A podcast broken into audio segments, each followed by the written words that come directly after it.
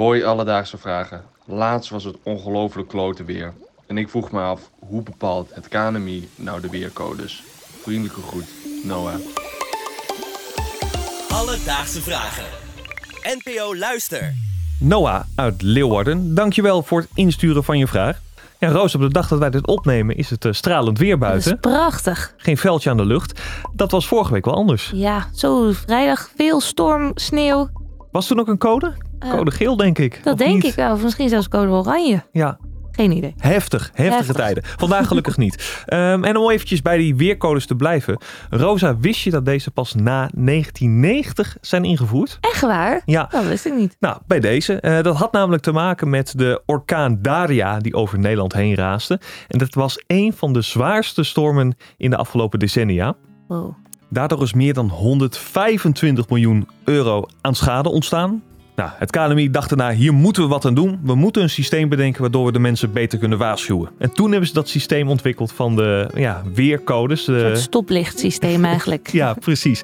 Eerst was het landelijk en later is het dus per provincie geworden. Dan weet je waar je aan toe bent. Om uit te zoeken hoe die dingen nou precies werken, belde ik met het KNMI zelf. Eh, veiligheidsmeteoroloog, ja, die functie hebben ze. Eh, veiligheidsmeteoroloog Hisso Homan, geweldige naam trouwens. Zeker. Die legde uit hoe die verschillende codes nou worden bepaald. We hebben natuurlijk een, eh, een aantal fenomenen waarvoor we een waarschuwing afgeven. Hè. Regen, onweer, eh, windstoten, eh, gladheid en dat soort eh, fenomenen. Zeg maar. En voor ieder van die fenomenen hebben we bepaalde criteria die overschreden moeten worden. Ehm, en als die kans daar binnen 48 uur, zeg maar, als die kans hoger is dan 60%, dan geven we daar een, eh, een code geel voor uit. En dat gaat eh, per provincie. eh, Ja, het heeft dus heel erg te maken met de verwachting dat een aantal waardes binnen 48 uur worden overschreden. Nou ja, wat zijn dat voor waardes? Het gaat dan onder meer over sneeuwval, windstoten, temperatuur of zicht. En daar hebben ze dus een heel lijstje voor opgesteld. En daar eh, ja, gaan ze dan kijken van, nou, is het weer zo extreem dat we er een code voor moeten geven? Laat jij je beïnvloeden door de codes? Eh, nou, ik moet zeggen, ik ben wel een beetje oplettend. Ja? Als het code oranje is, dan denk ik, eh, ik moet wel een beetje opletten. Oeh, even- En bij rood? Niet naar buiten. Ja, dan, nee, dan blijf ik binnen. Oeh. Ehm, er wordt dus vooral gekeken naar criteria. Maar ja, hoe worden die criteria nou bepaald waar het aan moet voldoen? Nou, kijk, het is natuurlijk niet, niet, niet wetenschappelijk bepaald van eh, bij die windsnelheid heb je zoveel schade. Want we kijken natuurlijk over heel Nederland hoeveel uh, nou, bomen omwaaien, hoeveel vrachtwagens omwaaien, hoeveel schade er is, hoeveel dakpannen eraf waaien. Ja, dat is natuurlijk niet echt een perfecte correlatie met, nou, met, met, met zo'n windstoot heb je zoveel schade, met zo'n windstoot heb je zoveel schade. Dat is natuurlijk wel een beetje empirisch bepaald. Terwijl dat een beetje proefondervindelijk, ook in samenwerking met uh, verzekeringsmaatschappijen die natuurlijk ook een indicatie kunnen geven van hoeveelheid schade, zeg maar. Voor die windstoot hebben we ook wel mooie ronde getallen.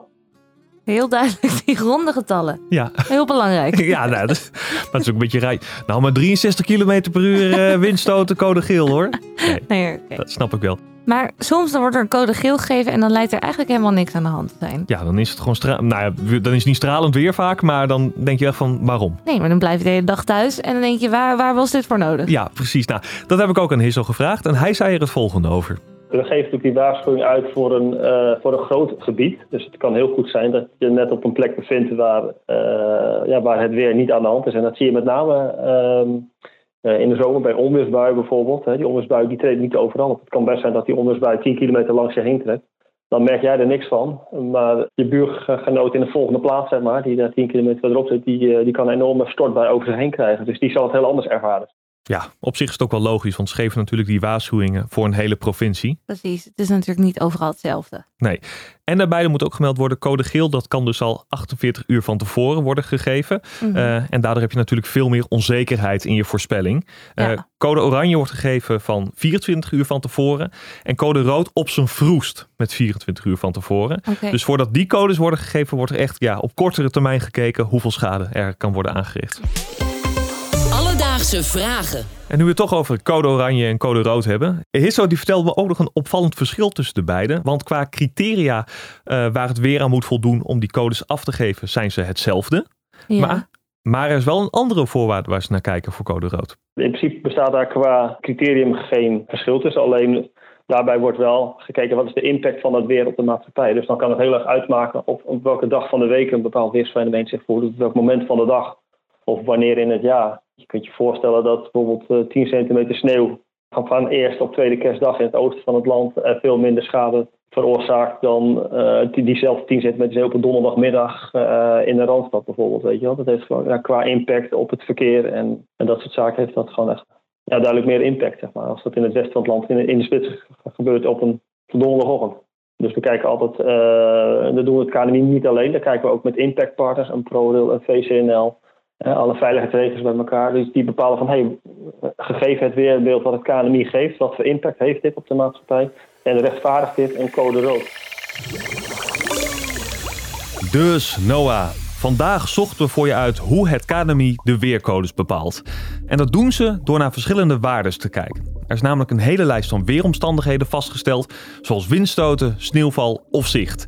En is de kans binnen 48 uur minimaal 60% dat het weer over één van die waardes heen gaat, dan geeft het KNMI een code geel uit. Voor oranje tellen dan weer zwaardere waardes waaraan voldaan moet worden. En bij code rood kijken ze vooral naar de maatschappelijke impact van het weer. Heb jij ook een vraag? Stuur ons dan een bericht op Instagram. Dat kan naar Alledaagse Vragen. Maar je kan natuurlijk ook mailen naar alledaagsvragen.bnnvara.nl en dan zoek het voor je uit. Alledaagse Vragen. NPO Luister. BNN Vara.